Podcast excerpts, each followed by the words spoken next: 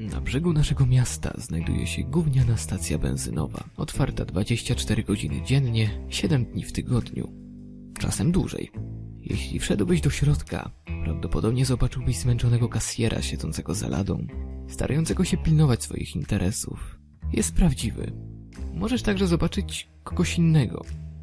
Możesz też zobaczyć coś innego.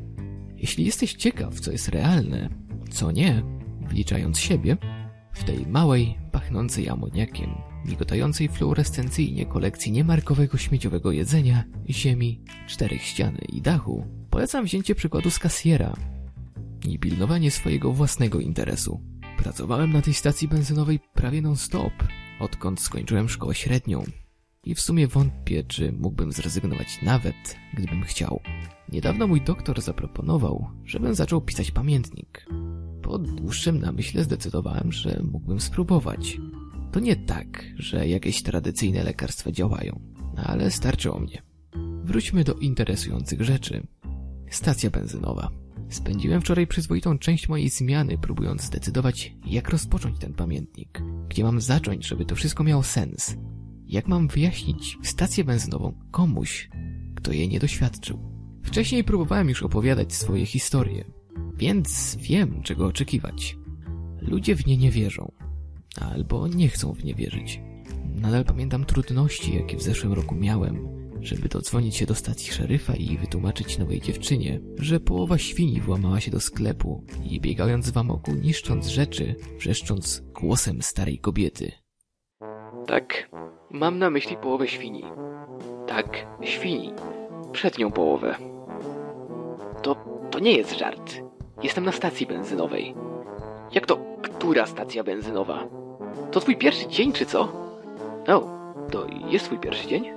A w takim razie, czy mogę proszę porozmawiać z kimś innym? W końcu przekazała słuchawkę Tomowi, policjantowi, który lata temu wyciągnął krótką słomkę i skończył jako oficjalny wysłannik stacji benzynowej. To było jeszcze przed tym, zanim jego włosy całkiem posiwiały. Był tu już tyle razy, że teraz wszystko, co muszę powiedzieć, gdy odbiera telefon, to połowa świni. Nie chcę przestać krzyczeć i nie mogę jej złapać. Wtedy Tom odchrząkuje. Mruczy coś o tym, że to trochę kurde dziwne i przyjeżdża pomóc mi ją złapać. Tom jest dobrym facetem. Popytałem, ale nikt nie wiedział skąd świnia się wzięła. Farmer Brown, jeszcze wtedy żywy, przyjechał, żeby się przyjrzeć i dostarczyć swoją ekspercką opinię. Według farmera świnia została jakoś przecięta przez środek, ale cudem żaden z ważnych organów nie został uszkodzony. Nic nadnaturalnego, po prostu niecodzienne. Świnia została maskotką lokalnej szkoły podstawowej do momentu, gdy jakiś naukowiec i jego zespół skądś z południa zaproponowali szkole tysiąc dolarów za jej oddanie. Oddanie nauce. Tak mi się wydaje. Nie chcę odbiegać od tematu, ale ciężko jest uwierzyć w tę historię, jeśli nie byłeś na stacji chociaż raz. Możliwe, że byłeś. Jesteśmy jedyną stacją benzynową w okolicy. Jesteśmy też blisko dość wielu rozdroży. Jeśli kiedykolwiek przejeżdżałeś przez nieznaną część kraju i się zgubiłeś, to bardzo możliwe, że znalazłeś się u moich drzwi, bo chciałeś napełnić bak albo zapytać o kierunek. Jeśli masz zamglone wspomnienie o dziwnym miejscu, które masz wrażenie nie pasuje, to istnieje szansa, że się spotkaliśmy. Było późno w mojej nocnej zmianie, kiedy zdecydowałem, że po prostu zacznę pisać. Robiłem notatki o tym, co się dzieje. Zanotowałem kilka swoich dziwniejszych wspomnień, ale zdecydowałem się nie dzielić się historiami, które są zbyt niewiarygodne, żeby nie marnować nimi czasu. Nazywam je historiami Spróbuj i zapomnij. Właśnie zapisałem coś na rolce papieru, kiedy przerwał mi Carlos. Carlos to jeden z pracowników dorywczych na stacji. Mamy całkiem długą listę pracowników dorywczych. Właściciele lubią zatrudniać przybłędów, włóczęgów, autostopowiczów, przejezdnych i uciekinierów, szukających pracy na kilka dni. Staram się nie poznawać lepiej dorywczych. Przychodzą i odchodzą po kilku dniach, czasem nawet paru tygodniach. Rzadko kiedy zostają tu na tyle długo, żeby nawiązać jakąkolwiek znaczącą relację.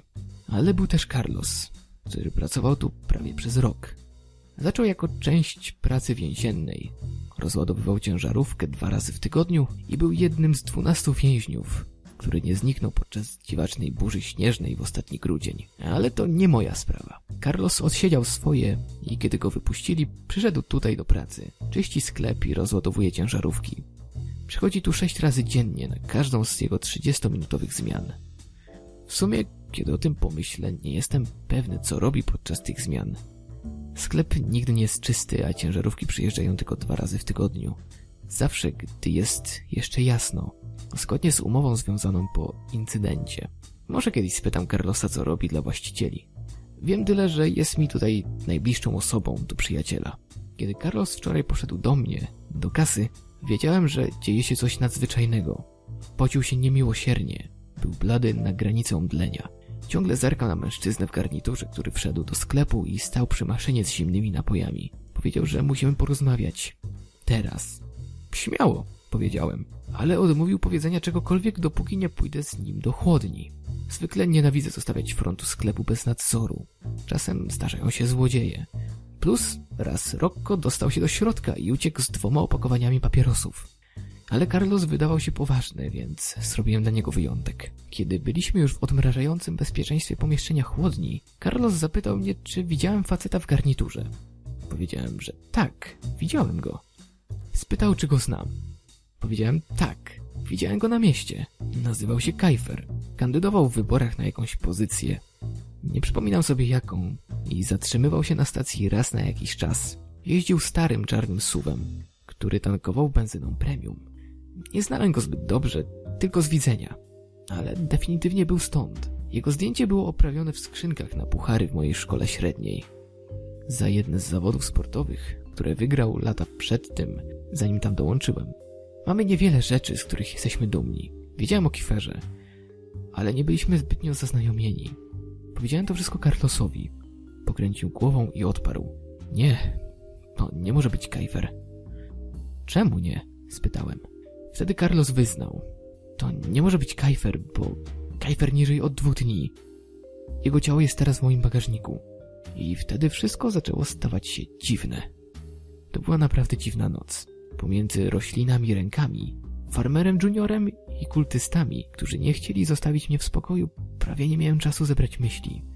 No i oczywiście była też sytuacja z Carlosem. Obiecuję, że wrócę i wszystko opowiem. No ale najpierw muszę iść po kawę.